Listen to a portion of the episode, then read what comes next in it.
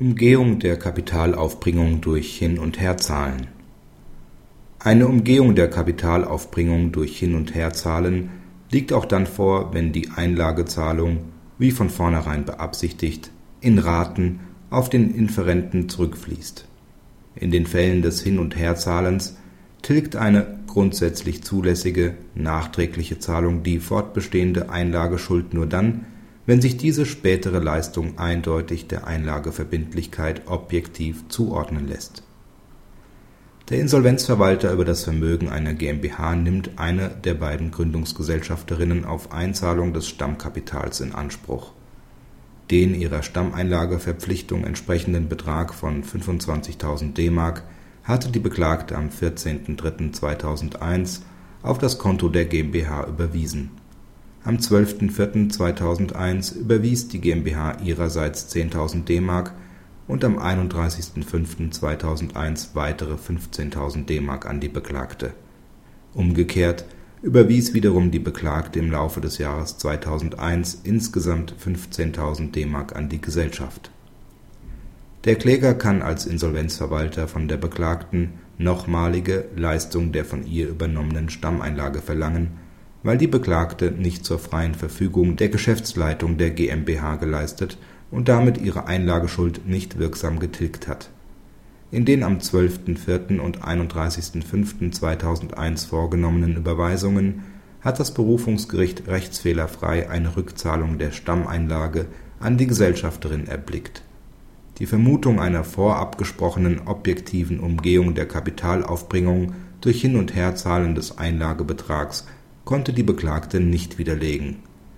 Mit Recht hat das Berufungsgericht dabei im Rahmen seiner Würdigung der Gesamtumstände für die verstrichenen Zeiträume von 29 Tagen hinsichtlich der ersten Rückzahlung bzw. zweieinhalb Monaten bezüglich der zweiten Rückzahlung den erforderlichen engen zeitlichen und sachlichen Zusammenhang mit der ursprünglichen Einzahlung auf das Stammkapital bejaht.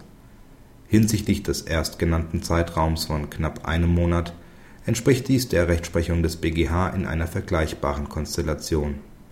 Angesichts dessen hält es sich im Rahmen zulässiger tatrichterlicher Würdigung, wenn das Berufungsgericht den erforderlichen zeitlichen und sachlichen Zusammenhang auch für die Rückzahlung des zweiten Teilbetrags von 15.000 D-Mark rund eineinhalb Monate nach der ersten Zahlung als gegeben angesehen hat, denn es handelte sich danach faktisch um eine fortgesetzte von vornherein beabsichtigte Rückführung der gesamten Einlagezahlung in Raten.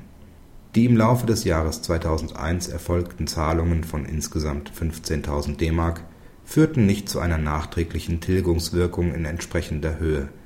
Zwar ist die nachträgliche Erfüllung der Einlageverbindlichkeit durch eine spätere Leistung auch in den Fällen des Hin und Herzahlens möglich, das setzt jedoch voraus dass spätere Zuflüsse sich eindeutig der fortbestehenden Einlageverbindlichkeit objektiv zuordnen lassen. Dies war hier nicht der Fall.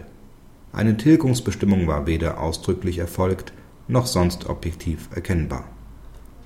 Praxishinweis Den Anforderungen an die Kapitalaufbringung wird dann nicht genügt, wenn zwischen der Einzahlung des Stammeinlagebetrags und einer späteren Zahlung der GmbH an ihren Gesellschafter ein enger zeitlicher und sachlicher Zusammenhang besteht und die damit einhergehende Vermutung, wonach ein Hin und Herzahlen von Anfang an beabsichtigt war, nicht widerlegt werden kann. In seinem Hinweisbeschluss macht der BGH deutlich, dass die Frage eines solchen engen zeitlichen und sachlichen Zusammenhangs in erster Linie eine solche der tatrichterlichen Würdigung ist. Wenn, wie hier, mit nachvollziehbaren Argumenten ein solcher Zusammenhang bejaht wird ist die entsprechende instanzgerichtliche Beurteilung nicht revisibel